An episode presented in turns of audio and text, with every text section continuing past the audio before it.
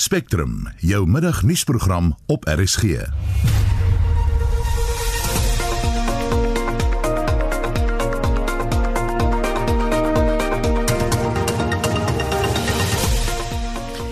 die program ons kyk na wat ons kan verwag van oud-president Jacob Zuma se aansoek om sy inhegtenisname af te weer. Die saak word vandag en môre in die Hooggeregshof in Pietermaritzburg aangehoor.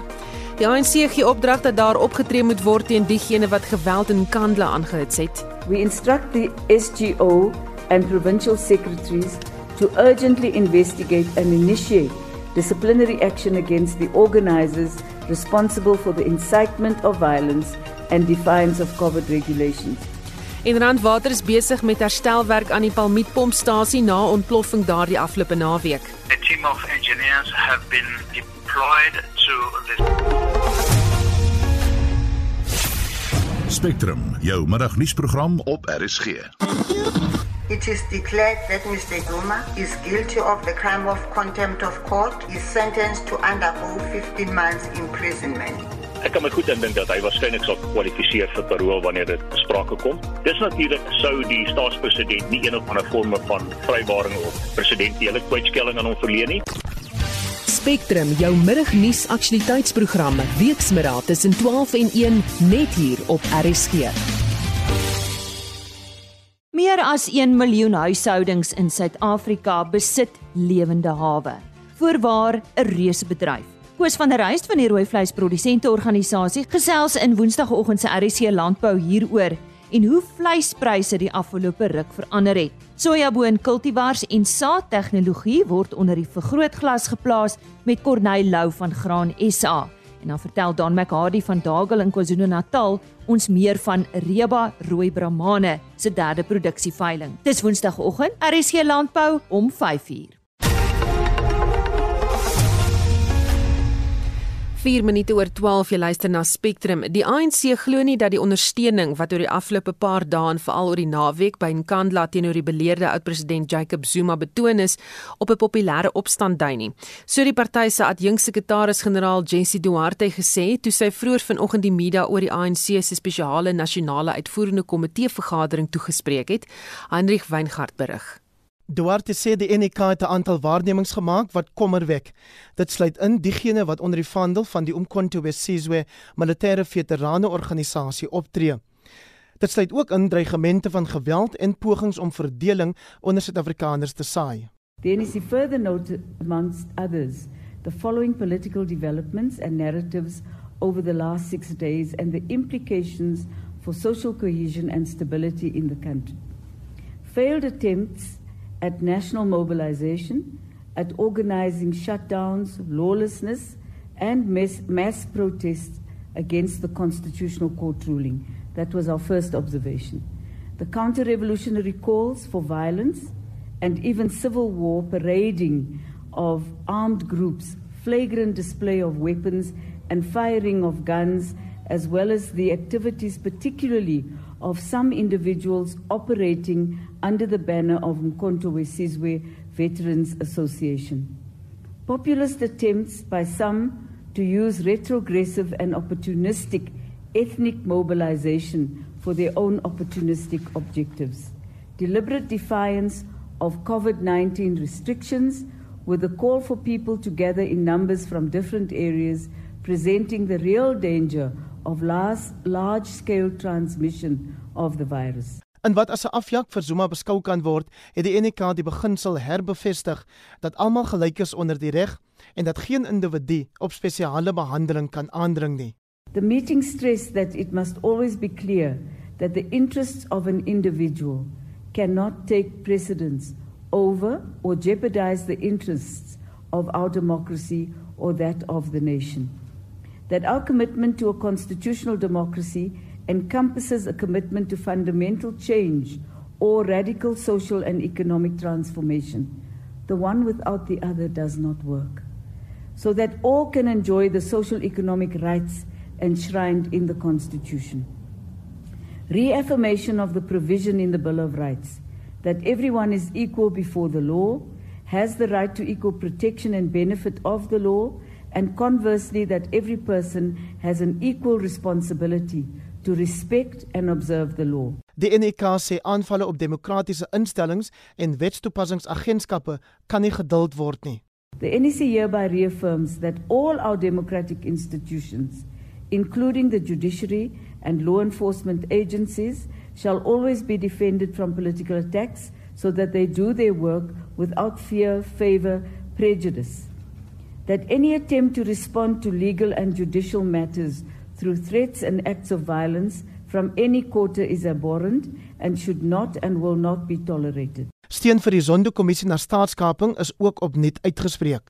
That the Commission of Inquiry on State Capture should be supported and all individuals who have been invited to appear including members and leaders of the ANC should cooperate with the commission. Dit was die ANC se adjunksekretaris-generaal Jesse Duarte. Hendrik Weingart vir SAK nuus. Nou ons bly by die kommer wat die NK uitgespreek het oor die politieke klimaat wat deur die afgelope klompie dae se gebeure in KwaZulu-Natal geskep is. Ons kry nou kommentaar hierop van Dr. Llewellyn Kerloos, 'n regskenner. Goeiemôre Llewellyn. Goeiemôre. Jou reaksie op die NK wat byvoorbeeld die dreigemente van geweld en om verdeeldheid te saai afgeskiet het.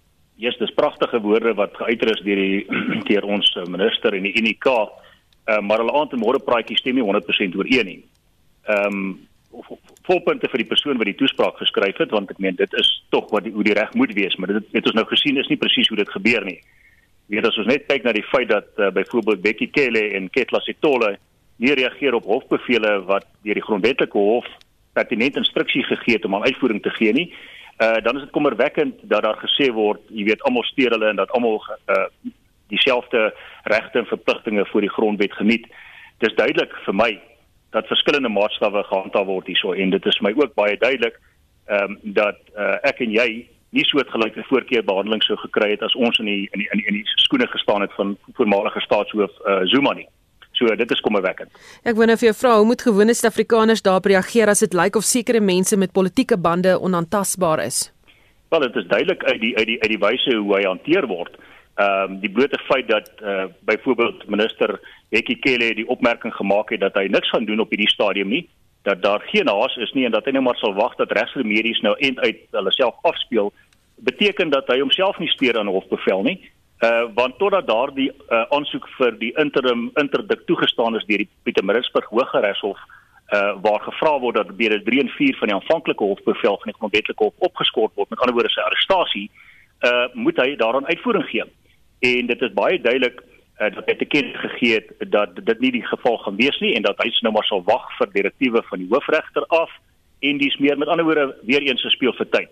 Uh, ek kan jou beloof dat Jan Publiek nie dieselfde voorregte sou geniet het as jy in daai posisie was nie. Kan nie gebeure by Nkandla klimaat in die landskap wat kan maak dat ander landsburgers ook begin weier om by die inperkingsmaatreëls te hou en kan daar dan teen hulle opgetree word?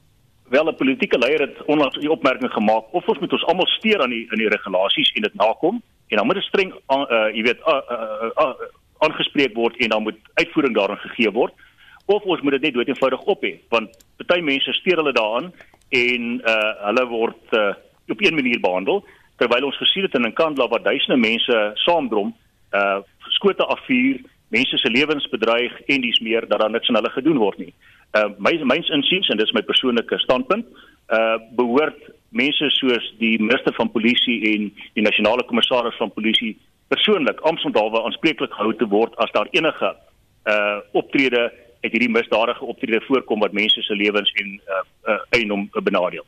Uh dit kan tog nie anders nie. So ja, of ons moet ons almal steel in die reëls of ons almal gaan ons daarin afvee en dit lyk vir my dat dit die toedrag van sake is op hierdie stadium ten minste wat politieke leiers aanbetref. Is die polisie se hande werklik afgekap soos wat minister Bekkie Cele voorgee? Ja, ek dink dis absolute nonsens.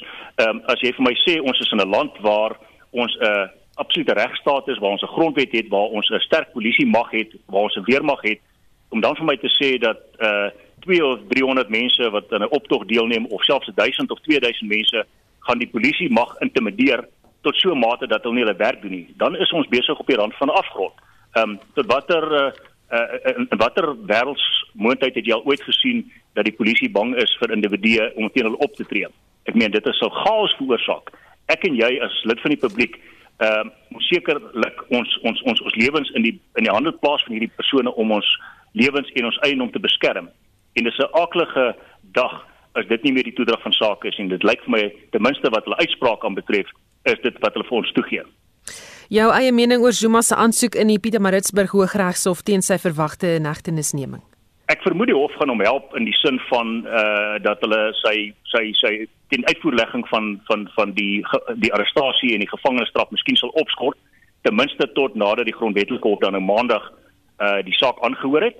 Ehm um, dit kan ek sien gebeur wanneer die grondwetlike hof het al reeds aangedui dat hulle bereid is om om om die die tersydestellingsaansoek ehm um, aan te hoor. En ek moet duidelik maak hier, dis nie 'n hersieningsaansoek of 'n appel nie. Derhalwe moet Zuma, ek moet moet eh uh, uh, Bekkie Cele en dood eenvoudig op hierdie stadium nog uitvoering daarin gee. Maar dink ek is nie die geval nie. Uh uh punt 1 ek dink nie hy voldoen aan die vereistes vir 'n dringende interdik nie. Uh tweedens sy argumente rondom jurisdiksie behoort nie te slaag nie en sy argumente rondom die tersydestelling uh, behoort ook nie te slaag nie want sulke tipe van uh, tersydestellingsaansoek uh, is net suksesvol wanneer 'n uh, uh, verweerder soos in hierdie geval Zuma nie geweet het van die verrigtinge teen hom nie en ons weet almal hy het dit duidelik geweet of as hy nie die kans gehad het om daarop te reageer nie en ons weet duidelik hy het ook die kans gehad by verskeie geleenthede uitgenooi daartoe om daarop te reageer of wanneer daar so blaatante regsfoutering was deur die hof dat dit nie kan staan nie en waar 'n meerderheid van hoeveel regters teen 'n minderheidsuitspraak uh, te kenne gee dat hy in minagting van die hof is en dat hy gevangenisstraf moet uitdien, dan is dit duidelik dat ten minste in ons hoogste hof almal eenparig gesê het hy is skuldig. So ek kan ook nie dink dit kan slaag nie. Met met alle respek, die aansoek behoort van die hand gewys te word met 'n spesiale kostebevel teen hom en sy regspan as jy my vra. Baie dankie, dit was die regskenner Dr. Llewellyn K. Lewis. Ons kry nou ook politieke kommentaar op van Theo Venter, onafhanklike beleids- en politieke ontleder. Goeiemôre Theo. Goeiemôre. Het Zuma hou vas op die land en die regstelsel. Wel, ek dink ons het 'n baie goeie juridiese uiteensetting gehad nou net voor my deur Llewellyn. En uh ongelukkig polities sit ons vasgevang in die dilemma van die ANC as die regerende party, 'n baie dominante party. Ehm um, maar uh wat die interne striwelinge binne in die party het nou eintlik 'n landswye probleem geword en daar is vir my geen twyfel nie dat Zuma en sy RET ondersteuners is besig om 'n blaatante uitdaging te rig aan die regstelsel en om te kyk hoe ver hulle die stelsel kan druk voor iets erns meegee. Wat van president Cyril Ramaphosa, moes hy nie al iets gesê het nie? Dis duidelik na die perskonferensie van Jesse Duarte vandag twee goed. Dat hy dat hy sterk uitsprake gemaak het op uh, die NEC terwyl hulle gepraat het.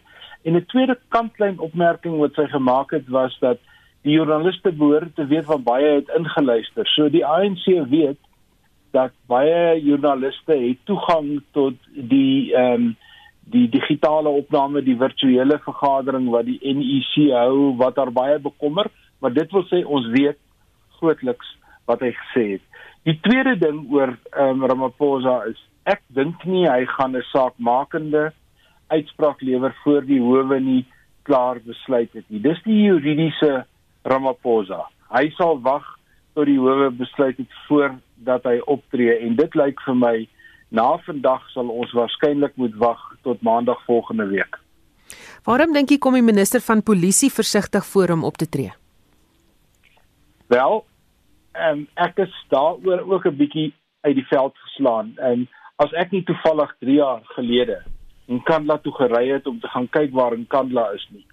So um, ek dit nie so uitgedruk het nie, maar daar's een pad in Kandla toe en dit is net voor Greytown draai jy af met 'n teerpad en dan kom jy tot by Kandla en net na Kandla hou die teerpad op en dan split die pad in twee, een gaan Melmoth toe en een gaan na 'n ander dorpie toe wat se naam ek vergeet het. As jy nou die polisie was en jy het geweet wat kom. Daar moet dus daar moes dus 'n operasionele plan gewees het vir die naweek. Dan is daar eintlik net twee roetes in Kandla toe.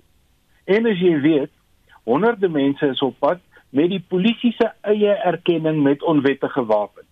Dan sou ek langs die pad 'n paar padblokkades gehad het, nie die mense gestop het oor maskers en sulke goed nie, maar eenvoudig net die wapens deurgegaan het, dan sou hulle ten minste met 'n klein bietjie integriteit uit die proses uitgekom het. Maar nou skuil hulle agter Maritana en hulle skuil agter 'n klomp ander faktore en die feit dat die mense wat daar was, die polisie doelbewus uitgelok het tot een of ander optrede. Nee, ek dink um, die polisie het wat dit aanbetref het toets gedop. Die ANC en die Kaapse die polisie oor die kalm en beredeneerde wyse waarop hulle die Nkandla skares gehanteer het. Maar kan dit nie nou die Zuma ondersteuners laat glo dat hulle met enigiets kan wegkom nie? Ek dink die, die die die uitsprake oor kalmte en dis meer is maar is maar politieke spin. Dit is uh politieke toegewings wat gemaak word deur lede met dubbele lidmaatskap en dis meer en wat 'n bietjie ondersteuning gee aan die huidige lidmaatskap. Nee, ek dink die ehm um, Zuma ondersteuners weet twee goed.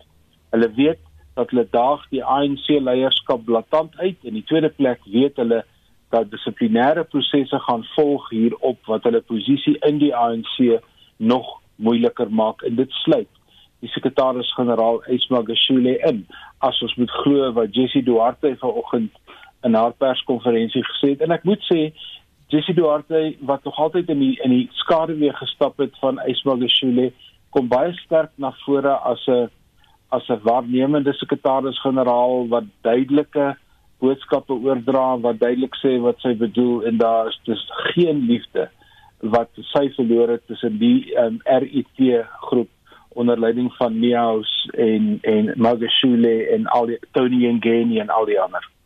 Die res van die land rede om onrustig te slaap in die aanloop tot komende maandag.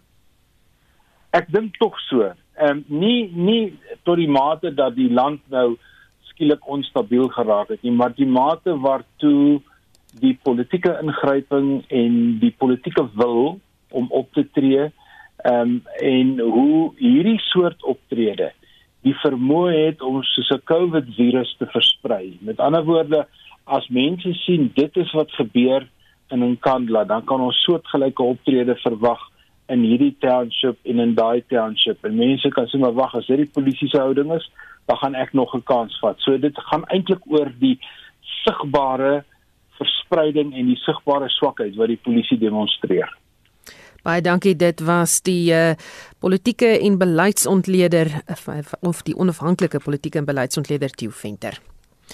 Dit is dag 9 van vanjaar se Wimbledon tenniskampioenskap en Pieter van der Berg hou sake vir ons dop. Goeiemôre Pieter. Maar sê Susan, ja, dit is natuurlik die tweede Dinsdag van vanjaar se kampioenskap en dit staan altyd bekend as die kwart einddag vir die eh, vroue enkelspel as ook vir die mans dubbelspel. Maar voor ons daarby kom, kom ons loer net na die enkelspel vir mans wedstryde wat gister afgehandel is. Die sewe van die spelers wat in die kwart eind gaan speel is bepaal. Daar's een wedstryd wat voltooi sal word. Ons gaan nou daarby kom. Maar uh, Novak Djokovic, die eerste gekeerde, hy gaan teen die omgekeerde Fucsovic speel en dit is dan in môre se kwart eindstryd. Dan in dieselfde helfte as ehm um, Djokovic is dit uh, Kojanov, die 25ste gekeerde wat teen Shapovalov die 10de gekeerde te staan gaan kom. Hy's van Kanada en uh, daardie wedstryd soos sê van dan ook môre plaas. So eintlik 'n maklike loting dan wat uh, Djokovic het tot uh, daar in die halfeind en uh, ja, as hy eindstryd toe gaan, kom ons kyk na die onderste helfte. Berrettini die 7de gekeerde, hy gaan te staan kom teen Algor Alismi, die 16de gekeerde. Dit is uh, Alismi wat die 4de gekeerde uh, Zverev uitgeskakel het en uh, dit was in vyf stelle gewees. En dan die wedstryd wat voltooi moet word, Roger Federer, hy is uh, ja, die 8de 8 keer kampioen gewees en hy is die 18de keer wat hy homself bevind in die kwartfinale by Wimbledon. Hy is 60 keer en die vraag is wie van uh, die tweede keer Daniel Medvedev of Hurkacz gaan daardie 14de keerde speler dalk vir uh, Medvedev kan pak slaagie. Ek twyfel daardie wedstryd moet voltooi word. Dit is uh, tans uh, twee stelle teenoor een wat Medvedev voorloop en die wedstryd sal op die hoofbaan beslis word en uh, dit begin so met gewing van 0.30 Suid-Afrikaanse tyd. Kom ons loop na die uh, vroue enkelspel. Die eerste gekeerde Ashley Barty, sy gaan te staan kom teen die omgekeerde Tom Janovic en uh, daardie wedstryd uh, vind dan bietjie later vandag plaas. Ons gaan nou loop na die tye. Angelique Kermers, sy gaan speel teen Metjekova. Hulle is onderskeidelik 25ste en 19de keer. Dan die 8ste keer die Pliskova teen uh, Globalik en uh, daardie wedstryd word ook vandag gespeel as ook die een van ons Jubia wat die 21ste keer is teen die tweede keerde Sabalenka. En dan gepraat van die, die mans kwartfinalestryd wat die dubbelspelle betref goeie nuus vir Suid-Afrika dis Ryan Klassen en Ben McLaughlin hy is van Japan gebore daar in Nieu-Seeland. Hy is saam met uh, Klassen 14de keer vir die toernooi en hulle gaan speel teen die omgekeerde Bolelli en Gonzalez en uh, dit is in die kwartfinale hulle het gister nie minder nie as uh, 4 uur en 12 minute het hulle dis nou Klassen en McLaughlin geswoeg om die twee Fransmanne Chardy en Martin uit te skakel. Wat uh, vandag se spel dan betref op die hoof baan wat om 0:30 Suid-Afrikaanse tyd, verskoning 0:30 Suid-Afrikaanse tyd begin. Daniel uh, Daniel Medvedev, hy gaan speel teen Nurkic om te kyk wie dan uh, gaan deurgaan na die kwartfinale toe. Dan is dit die twee uh, kwartfinale wedstryde op die hoofbaan vir die vrouens, Jobert teen Sabalenka en Barty kom te staan teen Tom Janovic. En op baan 1 sal dit die ander twee kwartfinale wedstryde wees, Pliskova teen Gogolvik en uh, Mashova teen Angelique Kerber. Dit is dan wat die spel aan betref. Uh, ons uh, gaan ook ons oog hou op uh, baan 18. Dit is waar uh, Suid-Afrikaanse Ryan Klassen in aksie gaan wees in die dubbelspel en daardie wedstryde het sopas begin. Daar is een wedstryd voor dit. Dit is 'n uh, dogterswedstryd wat afgehandel moet word. Dan sal Klassen op die baan stap so in die omgewing van uh, half 2 Suid-Afrikaanse tyd. Ons sal weer gesels in 360 in omgewing van 20 oor 2, maar daarmee Susan terug na jou in die Spectrum Ateljee in Johannesburg. Baie dankie, dit was Pieter van der Berg wat vir ons die Wimbledon tenniskampioenskap dophou. Ons het vanoggend 'n monitor berig oor 'n nuwe verskynsel genaamd Zoom uitputting wat ontstaan weens aanlyn vergaderings wat elke dag gehou word. Ons luister weer na uittreksel van die onderhoud met die kliniese sielkundige Melody Pick van Kaapstad wat sê dit verbaas haar nie, maar die ervaring hoef nie net noodwendig 'n slegte een te wees nie. Ons noem dit nou Zoom uitputting, maar dis nie net dit nie. Dis dat ons heeltyd beskikbaar is en dat ons elektronies we are plugged in all the time. As enige iets langer is as 45 minute, sou dit beter wees as mense mekaar in persoon ontmoet. Ek dink dit is ons nuwe normaal en ons sal kreatiewe maniere moet kry om vrede te maak met dat dit is intern woord gaan wees. So op 'n manier is die stresvlakke van wat dit beteken om in te gaan kantoor toe en 'n heel dag daar te wees, is baie van daai goeters uitgeskakel ons het tog tyd om te kook deur die dag of om ons kinders te sien of om met ons katte te speel. So ek dink as ons die struktuur rondom die aanlyn platform as ons dit goed bestuur, is dit eintlik nie alles sleg nie. En dit was die kliniese sielkundige Melody Pick en Heinrich Weingart het daardie onderhoud gevoer. Ons bly by die tema kliniese sielkundige verbonde aan die Noordwes Universiteit se Instituut vir Sielkunde en Welstand. Professor Pieter Kreer waarsku dat mense nie die tekens van stres en depressie as gevolg van die pandemie moet miskyk nie. Ek het gekyk vroeër vandag, ons is op dag nommer 466 van hierdie absolute aanhoudende onsekerheid. So ek dink dis 'n kombinasie van nie net die hoeveelheid tyd wat ons voor tegnologie deurbring nie, maar as ons ook kyk oor hierdie tydperk verandering in gedragspatrone het van in en uit hard lockdowns uit nou weer op 'n punt waar gesondheidssentrums toe is. So baie van ons gewone uitlaatkleppe om sosiaal te wees om um, sekere dinge te gaan doen was net nie beskore vir ons oor die laaste tyd nie. So tussen die werk deur dit, ek dink die feit dat ons basies heeltyd op ons hoede moet wees, weet om nie iets verkeerd te doen nie. Uh, Jy's bekommerd as jy uitgaan met jou masker, jy lê te lank sal mense staan of te naby staan nie. So die hele ondertoon van wat ons deur is op hierdie stadium dra ongelukkig baie sleg by tot die emosionele toestand waarin 'n klomp mense hulle tans bevind. Hoe gevaarlik is dit om so uitgeput te wees tydens so 'n pandemie? Ek dink in die onmiddellike omgewing baie keer eh, wissel dit meer na minder, maar oor die algemeen is dit nie 'n goeie situasie om in te wees nie. Dit lyk amper soos 'n kollektiewe uitbranding wat ons nog kyk tans waar mense heeltyd so half op die vlak is waar hulle tussen goed en op die punt van 'n afgrond staan. So weet hierdie tipe van uitputting wat ons kry het 'n impak op jou gemoed, dit 'n impak op jou geluk. Dit het 'n groot impak op gemoedsregulering. So daar heeltyd 'n konstante afskeiding van die streshormoon kortisol in jou stelsel maak dit regtig moeilik vir ons om daai punt te kry waar jy gemaklik voel met waar jy is. So dit aktiveer 'n deel van jou brein, jou jou prefrontale korteks wat jy heeltyd in moet dink, maar ook jou emosionele sentrum aktiveer. So die impak daarvan is goed uh, soos ek dink dit impak op verhoudings. Ons raak baie meer kort van draad en geïrriteerd. Dit impakteer op werk, weet hoe ons werk, prestasie. Ja, ons kan bysit goed soos motivering, jou fokus, die genot wat ons uit die lewe uitkry. So ek dink dis oor die algemeen as jy globaal gaan kyk waar ons staan, net nie 'n goeie punt om te wees nie. So uh, jy weet daar kan dalk mense wees wat dink hierdie gevoel wat ek voel is ek is die enigste ou wat so voel, maar uh, dis nie iets vreemds nou nie glad nie. Ek kan vir jou uit data uit sê wat ons oor die laaste 18 maande bymekaar gemaak het en vir al die laaste 6 maande waar ons bykans 15000 mense in 17 verskillende lande in werkswinkels gehad het en elke keer 'n bietjie data ingekry het. En ons het gevind dat tot 93% van mense het aangedui dat daar 'n redelike elevasie, 'n weet 'n opligting in hulle vlakke van angs is. So dit is definitief nie geïsoleer tot uh, my en jou as individue nie. Ons sien dit maak nie saak in watter land of industrie of ehm um, beroep jy in is nie. Ons ons sien dat almal sit met 'n vlak van ongemak wat met hierdie uitputting verband hou. Kan hierdie dalk lei tot 'n geval waar alle redelikheid by die deur uitgegooi word en hiermee bedoel ek byvoorbeeld as Jacob Zuma nie die inperkingsregulasies hoef te volg nie, iets wat daar gestel is om ons veilig te hou, hoekom sal ek? Daai is 'n baie goeie vraag en dan gaan jy sê hoekom en dit sluit aan by ons vorige punt. Onthou ons het nou net gesê ons is reeds op 'n punt wat ons half hier op die afgrond staan. Ons sukkel al reeds met gemoedsregulering. Nou bring ons 'n tweede konsep by rondom sosiale geregtigheid waar ek dink meeste van die tyd as ons verstaan weet hoekom ons iets moet doen en ons stem saam met die regulasies, al is dit nie lekker nie as ons daarbey bly. So ons sit reeds met regulasies wat 'n klomp mense betwyfel oor die effektiwiteit en die wetenskap daar agter.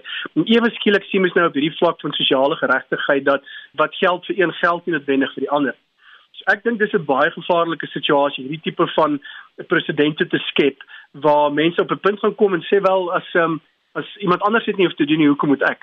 En die probleem rondom dis 'n konsep wat hulle noem operante kondisionering is. As ek later aan leer dit al is daar iets wat ek verkeerd doen maar daar's nie gevolge nie wat weet wat stop my? En ek dink as mense as 'n as 'n samelewing op daai punt kom is dit 'n verskriklike gevaarlike punt om te wees. En uh weet insidente soos hierdie help ongelukkig nie om um, dit te keer nie. Wat moet mens doen om nou kop te hou? As ek die kort antwoord daarvoor gehad het, sou ek verlede week afgetree het, maar ek dink um, as ons dalk kan opsom waar dit gaan, ek ek dink die belangrikste ding is kry 'n plan. Moenie in die oggend opstaan en wonder wat jy gaan doen nie. So, hê 'n plan, stel vir jouself mikpunte, stel sekere doelwitte, medium termyn, nie noodwendig te lang termyn nie, maar bring dit dan terug in klein inkremente. So, fokus eendag op 'n slag, weet tussen nou en etenstyd die volgende uur, wat doen ek in die volgende 20 minute. So dit help ons baie om gefokus te bly en nie heeltyd in die moedeloosheid van die groter prentjie te sit. Ek dink 'n ander ongelooflike belangrike ding is kry variasie in jou week. Dis een ding wat die hele pandemie vir ons 'n tekort aangegee het. As eintlik is weet binne perke, weet sosiaal te verkeer om goed te doen net om 'n klein bietjie die eentonigheid van die week op te breek. En dan 'n ander groot ding wat ek baie sterk vir kliënte aanbeveel is fisiese beweging en oefening bly van kardinale belang. Nie net op 'n fisiese vlak nie, maar absoluut emosioneel ook om bietjie die kortisol, die stresshormoon uit die liggaam uit te werk, maar dit aktiveer ook 'n ander klomp fantastiese breinbane wat ons help om ehm um, fisies en geestelik net op 'n beter plek te wees. En dit was 'n kliniese sielkundige verbonde aan die Noordwes Universiteit se Instituut vir Sielkunde en Welstand professor Pieter Kreer. Spectrum, jou middagnuusprogram op RSG.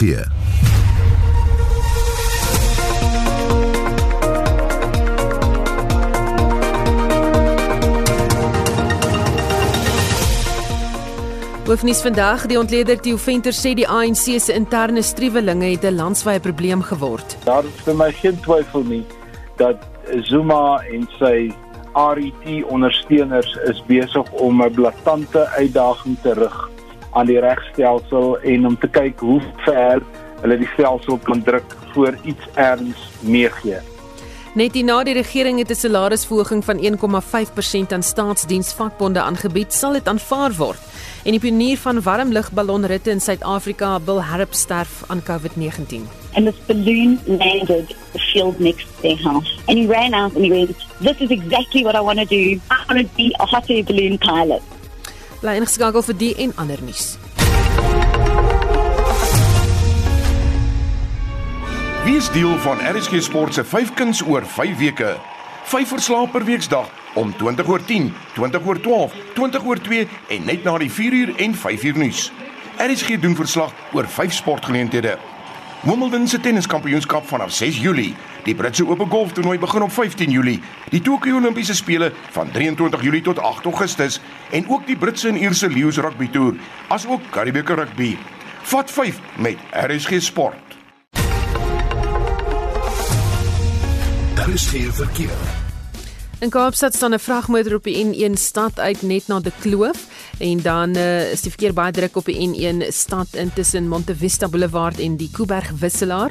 KwaZulu-Natal is die verkeer baie druk op die N3 Oos tussen Markweg en die Omlaas Wisselaar. Jy ry maar so 10 km/h en jy gaan so 44 minute lank daar moet wag. En dan op die N4 uh, staan 'n vragmotor um, in die middelbaan tussen Mandela Rylaan en die Middelburg Tolhek. Hou dit in gedagte. En dit is jou verkeersnuus.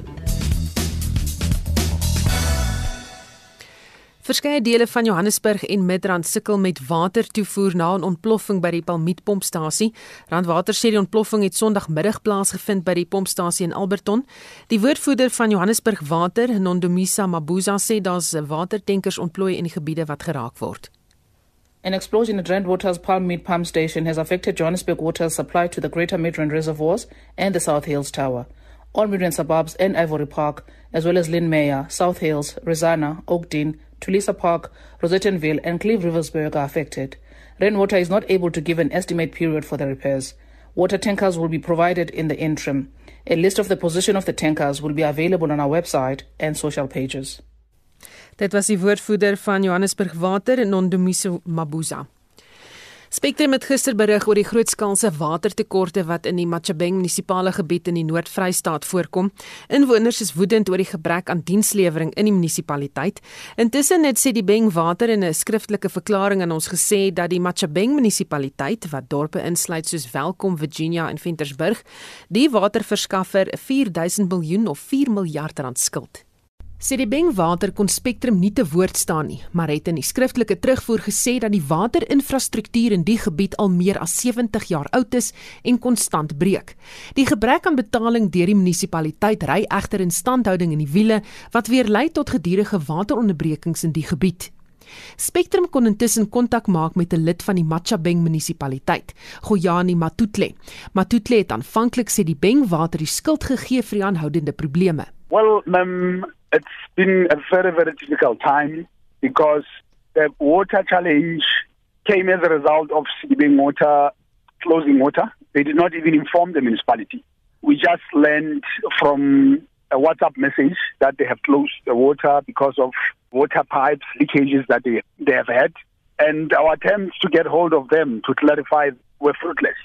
So I can refer you to their head of communications Ek het toe reeds met Sedibeng Water gepraat wat op hulle beurt aangedui dat hulle sukkel om enige vergadering met die Machabeng munisipaliteit te belê om die probleme uit te stryk. Ek het die terugvoer aan hom gestel en Matutle het daarna gevra dat ons ook 'n skriftelike navraag gerig aan die munisipaliteit oor die kwessie. Nog 'n inwoner van Welkom en predikant van die NG Kerk Welkom Suid, Leon Voet sê Hy bly al meer as 30 jaar in Welkom. Voet sê daar was die afgelope ruk betogings teen die swak dienslewering en die gemeenskap het gevra dat die burgemeester, Nkosinjani Speelman, uit sy pos verwyder word. Voet sê daar was geen reaksie van die munisipaliteit nie en hy vrees dat die gemeenskap nou gewelddadig gaan begin raak oor die kwessie. Sommige mense is meer gelukkig as ander, maar ons het maar kort kort 'n probleem met water. Ek het gister met iemand gesels in die woonbuurt net hier langs my wat gesê het sy het nou vir 4 dae agter mekaar nie water gehad by haar huis nie. En dit gebeur maar as jy nou kyk na die WhatsApp groepe, ons 'n hele paar van hulle in die dorp wat mense net sê maar pyp het al weer gebars. Hulle het hom laasweek reggemaak, nou sê al weer sonder water. Om die waarheid te sê, ons het hier by die kerk het ons 'n watertank opgesit met 'n kraan aan die buitekant van die heining sodat enigiemand enige tyd van die dag kan kom water tap, dat jy net water het om jou toilette te spoel en sulke goeders want wateronderbrekings is 'n realiteit hier. Dis net boorgatwater, maar dit help vir mense. Jy kan tog nie gaan water koop om jou toilette te spoel nie. Het julle al met die munisipaliteit gepraat oor hierdie probleem? Kyk, daar is voortdurend gesprekke met die munisipaliteit. Ek weet nou die oppositiepartye en die ander ouens is voortdurend met die munisipaliteit in gesprek. Maar as jy nou kyk in die in ons plaaslike koerant, die Vista, is daar gereeld 2, 3, 4 vol blad berigte of advertensies wat die munisipaliteit uitkoop om te vertel hoe wonderlik dit gaan in die stad en waar wat gebeur en so aan. Maar dis nie wat ons ervaar op grondvlak nie. Ek het byvoorbeeld verlede week vorige week al het ek uh, met 'n raadslid gepraat. Ons het 'n stuk grond hier langs die kerk wat ons wil ontwikkel, maar daar's 'n waterlek al letterlik vir jare.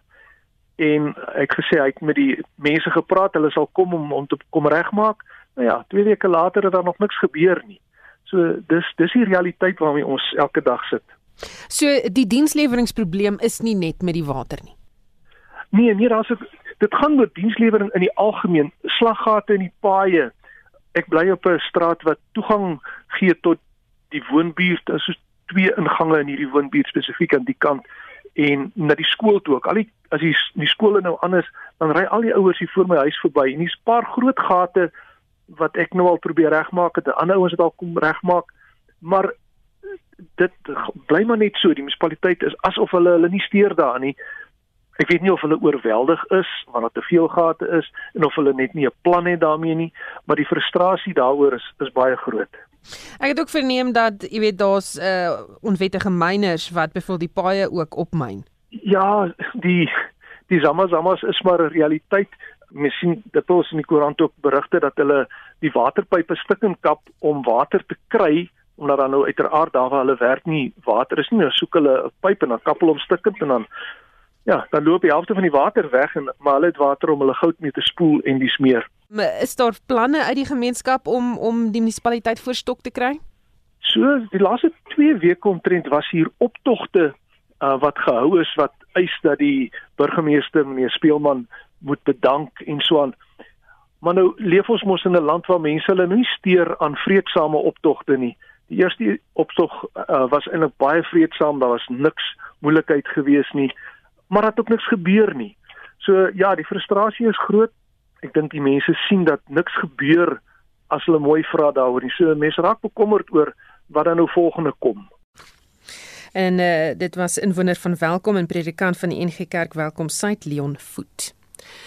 Twee Suid-Afrikaanse joernaliste van die New Frame publikasie sê hulle is aangehou en gemartel in Eswatini terwyl hulle die gebeure daar ondersoek het. Magnificent Ndebele en Sebelihle Mabuyisa is glo gevang deur die staat se sekuriteitsmagte. MTN het intussen in hofstukke bevestig dat die Eswatini regering hulle opdrag gegee het om die internetdiens in die land te stop. Eswatini gaan gebuk onder gewelddadige betogings. Inwoners dring aan op politieke hervorming in die land. Die New Frame redakteur Monica Langparsat sê die gebeure gebeure het Sondag plaasgevind na die begrafnis van Vincent Bembe in Nkuwini. Well, it's been a rather trying 48 hours since they were, were basically detained security forces on Thursday. On their way back, they got stopped at a roadblock on the MR3 freeway. There had been multiple roadblocks in some of the major highways, and they were stopped and searched. They retrieved their cameras, deleted footage, and then they were taken into questioning. This was around 9:40 a.m. on Sunday. We hadn't heard from them.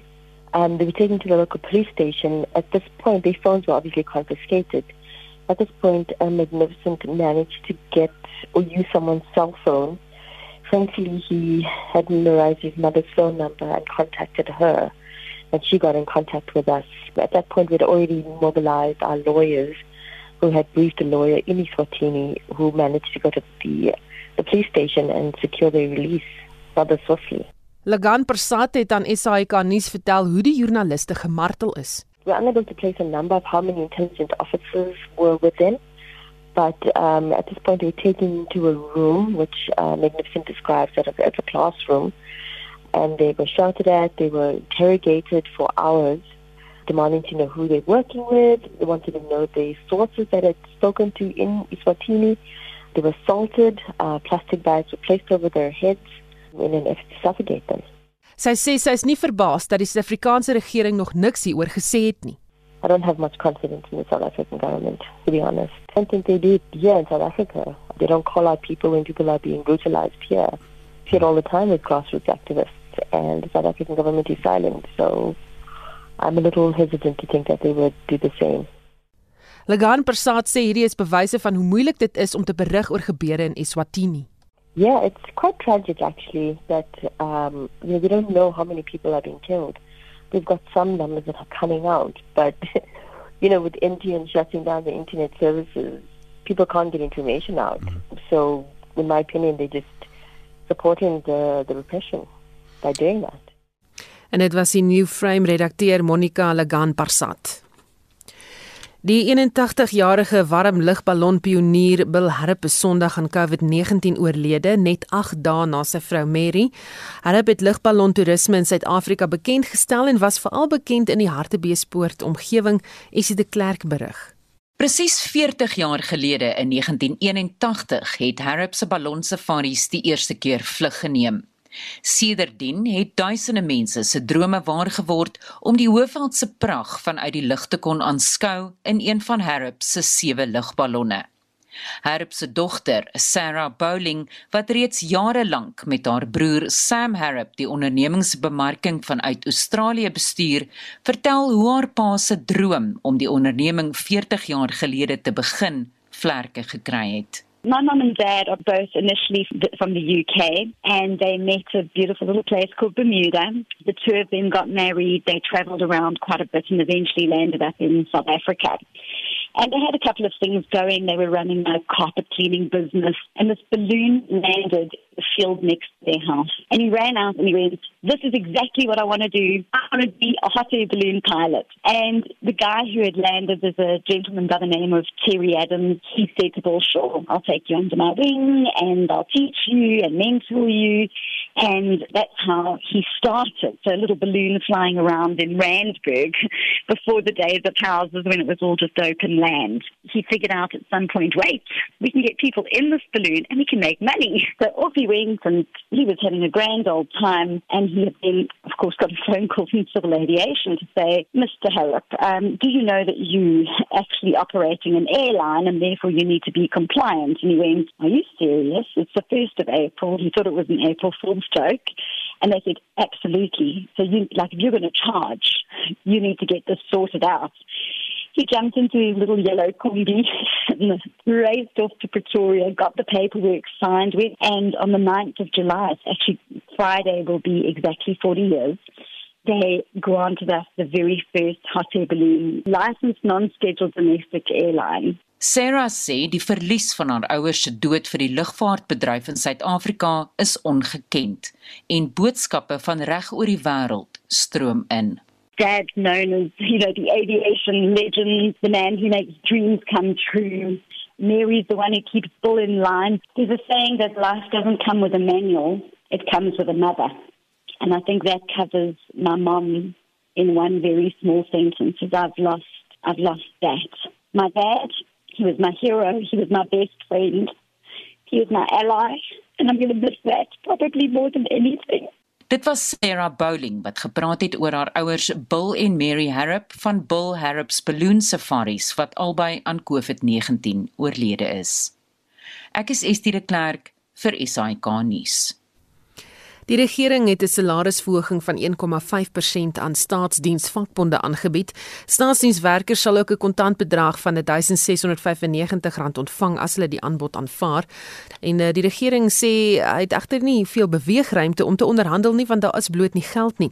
Kusate het tot dusver die staat se aanbod geweier en dring aan op 'n 2% verhoging en eenmalige kontantuitbetaling van R1500.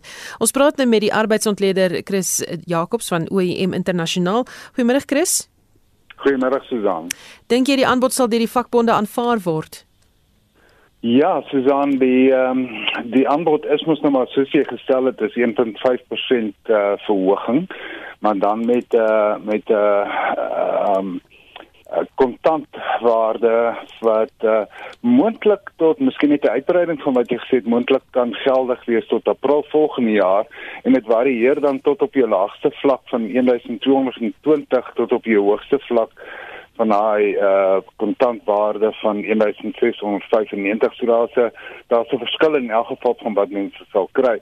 So ek dink dat ehm um, dat hier wanneer die vakbonde nou teruggaan na hulle unies toe dat daar 'n 'n redelike probleem sal wees oor oor hoekom daar verskil tussen die twee aanbiedings in terme van jou laervlakke wat dan nou minder kry en jou hoërvlakke wat meer kry per maand wat dit betref. So ek dink op die ou einde gaan hulle waarskynlik daarop skik. Ehm um, hulle gaan waarskynlik terugkom en sê kan die regering dit nie 'n bietjie verhoog nie en dat hulle dan sou bereid wees om te skik maar ehm um, dit is uh, ek dink in hierdie huidige omstandighede is dit waarskynlik die beste wat wat uh, sal kan gebeur. So ek ek het 'n uh, vermoede dat met 'n proviso dat die lede dit waarskynlik sal aanvaar. Dink jy staatsdienswerkers sal die staat vertrou nadat die regering nie die vorige salarisooreenkoms nagekom het nie? Nee, ag die die die ongeluk is dis dat daar dikwels maar 'n geweldige groot uh vertrouensbreuk is tussen jou werkgewers en en en ehm um, jou georganiseerde vakbond. So ek dink in hierdie opsig is die breuk nog groter en ook gegee die die regering se standpunt dat hy nie meer as 1.5 gaan gee nie. So ek dink daar vertrouensbreuk gaan vir lank nog uh, 'n uh, groot probleem wees en en en toekomstige onderhandelings ook uh, baie baie moeilik maak want ons sit nou al met hierdie ene van begin 2020 ag nee ja begin 2020 af. So uh, dit is baie duidelik dat hier 'n groot vertrouensbreuk is Die manier van uh, onderhandel soos dit nou staan, byvoorbeeld die eenmalige uitbetaling van 'n kontantbedrag sou 'n werker die aanbod aanvaar. Dit klink baie aanloklik veral vir mense wat dalk nou finansiëel in die moeilikheid is, maar het dit eh, of het die praktyk werkgewers nie geskaakmat nie? Ja, ek dink uh, as as mense rasioneel daarna gaan kyk, Susan, dan moet jy sê hierdie is maar eintlik net so goed soos 'n moontlike ooreenkoms vir 'n jaar periode. Terwyl die staat besig is om te vra vir 'n 3 jaar periode. Wat hulle eintlik maar sê is jy gaan 1.5% kry en dan gaan jy hierdie maandelikse kontant toelaag kry. So eintlik wat 'n mens moet doen is om daai 1% uh, 1.5% te vat en dan uh, by te voeg die persentasie wat dit sal beteken. En dit kom amper half op uh, in sommige gevalle hier by ongeveer 11% uit. So uh, tot 'n sekere mate kan 'n mens sê dis 'n dis 'n foefie tot 'n ander mate kan 'n mens sê dit is miskien maar net 'n ander manier om te kyk daarna om te sê ons gaan nie lanktermyn vir ons uh, verbind aan 'n persentasieverhoging nie want ons kan dit nie bekostig nie. So uh, ja, mense kan dit van verskillende hoeke af kyk. Het die rol van vakbonde in die tyd wat ons leef verander? Is daar nog plek vir hulle? Ja, nee, gewis. Vakbonde het altyd eh, 'n uh, reg tot bestaan. Ek dink 'n mens moet nie net kyk na die na die verteenwoordiging van werknemers in die geval van van uh, loononderhandelinge en en en benefits nie. Ehm um, dis ook die dag tot dag verteenwoordiging van lede. En ek dink veral vakbonde het op hierdie stadium 'n baie belangrike rol en dit is om seker te maak dat dat uh, die nodige gedoen word rondom die beveiliging van hulle lede in hierdie COVID omstandighede. So dit is dit is 'n uh, dis 'n belangrike rol wat hulle speel daarin. Ehm um, net soos wat die loonsonderhandelings altyd 'n belangrike rol is, maar ek dink ook wat baie belangrik is is die is die die uh, ek het nie 'n goeie Afrikaanse woord daarvoor nie, maar as die is die kopskuif wat gemaak moet word oor wat is moontlik in die huidige ekonomiese situasie en ons weet ons staatskas is geweldig onder druk en uh, gaan net nog meer onderdruk word en dan moet 'n herallokasie wees van fondse om om voorsiening te maak vir vir die COVID druk wat daar bestaan. So dit is baie moeilik as as ek self 'n staatsamptenaar is, kan ek sê maar ek ek wil die maksimum hê wat ek kan kry. Die ander kant is die land kan ook net soveel gee. Baie dankie, dit was die arbeidsontleder Chris eh, Jacobs van OEM Internasionaal. Die Hooggeregshof in Pietermaritzburg het 'n kort rukkie gelede virtueel begin om oud-president Jacob Zuma se dringende aansoek aan te hoor dat hy nie deur die polisie in hegtenis geneem moet word nie. Dit is hangend sy skuldigbevindings en vonnis deur die konstitusionele hof en Estie de Klerk hou die verrigting vir ons dop. En ons praat nou met haar Estie, skets net weer vir ons die agtergrond tot die saak. Susan, so volgens die konstitusionele hof se vonnis en bevel moes Zuma homself voor maandag vrywilliglik by 'n polisiestasie gaan aanmeld het en die hof het gelas as hy dit nie doen nie, die polisie 'n periode van 3 dae en dit geld dan nou van maandag tot en met môre middernag om hom in hegtenis te neem. En toe Zuma hom daarop beroep om vandag 'n dringende aansoek te bring om die hof te vra dat hy nie in hegtenis geneem word nie. Hangende sy aansoek by die konstitusionele hof waar hy 'n aansoek bring dat die hof sy skuldigbevindings en vonnis moet herroep en daardie aansoek word dan nou maandag aangehoor. Wat het Zuma se regsverteenwoordiger advokaat Dalium Pofu aan regter Bekisi Samguni gesê? Advokaat Mpofo het maar pas begin met sy argumente en hy het begin deur te sê hy gaan van sy argumente steun op die minderheidsuitspraak van regters Tron en Jafta wat onder meer verwys het dat dit ongrondwettig sou wees dat Zuma tronkstraf opgelees en hy het ook fout gevind met die meerderheidsuitspraak en hy hy was nou pas besig daarmee. Die staatskapingskommissie staan Zuma se aansoek in die Hooggeregshof in Pietermaritzburg vandag teen.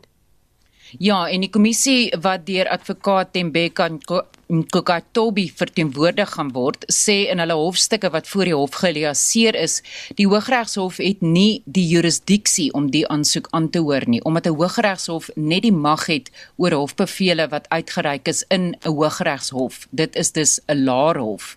En Zuma se skuldigbevindings en vonnis is deur die konstitusionele hof gegee. En die konstitusionele hof se besluite is finaal en dit is dus ongewoon dat daar enigsins teen hofuitsprake van hierdie hof geappeleer kan word. Maar die staatskapingskommissie sê in beginsel Zuma moet hom na die regte hof wend indien hy 'n aansoek wil bring om nie in hegtenis geneem te word nie. Baie dankie Essie de Klerk vir daardie storie vir ons dophou. Die ontslape digter wat na homself as die digter van 'n bevryde Afrikaans verwys het, Patrick Peterson sou vandag 70 jaar oud geword het. Heinrich Weingart het met die letterkundige professor Hein Willemse oor Peterson gepraat. Peterson wat in lewe 'n VGK dominee en ook uitgewer was, is op 6 Julie 1951 op Woolsley in die Wes-Kaap gebore. Die letterkundige Hein Willemse van die Universiteit van Pretoria beskryf hom as digter. Ek dink die belangrikste aspek van Patrick Peterson is natuurlik dat hy die digter van 'n ander stem is, soos hy dit self genoem het. Hy was wat hy genoem het die digter van 'n bevryde Afrikaans. En as jy mens sê, oor dit kyk, is dit 'n geskiedenis van swart bewustheid, sosiale bewustheid en digter wat probeer het om die sosiale en die huislike bymekaar uit te bring. Die tweede belangrike punt is dat hy 'n spulfiguur geword het vir 'n klomp jong digters in die jare 80 tot in die 90er jare wat rondom hom as figuur versamel het. Hy sê hoewel Petersen gedurende sy lewe 'n invloed op jonger skrywers gehad het, soos Welda Jansen, is daar weinig van sy generasie se skryfspoor in die werke wat nou gepubliseer word raak te lees. Die hoofstroom is soos ons weet word eh, beïnvloed deur bepaalde sosiale en politieke impulse, sodat die breë impuls van die Afrikaanse letterkunde nie altyd duidelik is nie. So 'n jonger geslag skrywers moet moeite maak om die breër tradisies te erken en te leer ken. Willem se lees voor uit Petersen wat in 1996 in 'n motorongeluk dood is, sy gedig oor sy geboorteplek. Ek wil waterblommetjies deur op Woolsley gaan pluk. Ek verkoop langs die witpad vir ander se geluk. Ek wil Kersfees kerk toe, die berge toe met sneeu en my hart weer nat en lei vore gaan maak. Soms vat ek my fiets om deur die pas te ry. Ontdek dan by Tolhuis die vers waardeur ek sny. Dit was die letterkundige professor Hein Willemse van die Universiteit van Pretoria.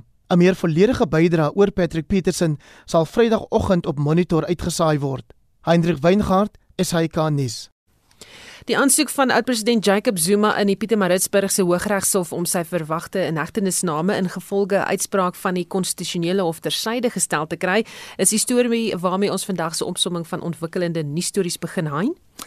Susan, so ons het aan die begin van Spectrum berig oor wat die ANC se nasionale uitvoerende komitee sowel die as die regskenner Llewellyn Kloos as die en die politieke ontleder Theo Venter oor die Zuma klimaat in die land te sê het. Kloos glo Zuma kry voorkeurbehandeling. Wel dit is duidelik uit die wyse hoe hy hanteer word. Die blote feit dat byvoorbeeld minister Bekkie Cele die opmerking gemaak het dat hy niks gaan doen op hierdie stadium nie, dat daar geen haas is nie en dat hy net maar sal wag dat regsremedies nou end uit hulle self afspeel beteken dat hy homself nie steur aan 'n hofbevel nie want totdat daardie aansoek vir die interim interdik toegestaan is deur die Pietermaritzburg Hooggeregshof waar gevra word dat deur 3 en 4 van die aanvanklike hofbevel van die grondwetlike hof opgeskort word met ander woorde sy arrestasie moet hy daaraan uitvoering gee. En dit is baie duidelik dat hy te ken gegee het dat dit nie die geval gaan wees nie en dat hy nou maar sal wag vir direktiewe van die hoofregter af en dis meer met ander woorde weer eens speel vir tyd ek kan jou beloof dat Jan Publiek nie dieselfde voorregte sou geniet het as jy in daai posisie was nie. Gebeure by die parlement is dat die presidentsie as ook die spesiale ondersoekeenheid vandag voorleggings oor belangrike aangeleenthede voor die staande komitee oor openbare rekenings sou doen. Dit is onder meer oor die ondersoek na die omstrede Digital Vibes kontrak. Celine Merrington sê omdat die verslag egter reeds na die president gestuur is, kon dit nie met die komitee bespreek word nie.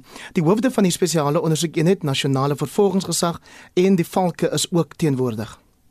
Die hoof van die valke, generaal Godfrey Lebia, is nou besig om aan komiteelede 'n oorsig te gee oor die sake wat hulle reeds van die spesiale ondersoekeenheid en die nasionale vervolgingsgesag ontvang het. Dit is 131 sake wat sedert 2010 tot vanjaar oorhandig is. Die waarde hiervan is 'n beraamde 3,4 miljard rand. Meerderheid van die sake is klagtes van korrupsie, bedrog en geldwasery. By 50 van die sake word individue betrek. 60 is maatskappye en 22 is 'n kombinasie van maatskappye en individue. En Libya sê die meeste van die sake kom uit die Oos-Kaap, Gauteng en Limpopo. Ons gee ook derentyd aandag aan diensleweringkwessies op plaaslike regeringsvlak, soos die grootskaalse watertekorte wat in die Majabeng munisipale gebied in die Noord-Vrystaat voorkom waaraan ons vandag soos gister aandag gegee het. En dan gaan sittings van die Sonderkommissie voort terwyl die Pietermaritzburg se Hooggeregshof weet ons nou nog môre ook uitgesit het om die Zuma aansoek aan te hoor. Al twee verwikkelinge wat ons aanhou dophou en is Hendrik met ons nuusopsomming. Ons groet namens ons waarnemende uitvoerende regisseur Hendrik Martin, die redakteur Justin Kennerly en produksieregisseur Evert Snyman. Ek is Susan Paxton bly ingeskakel vir 360.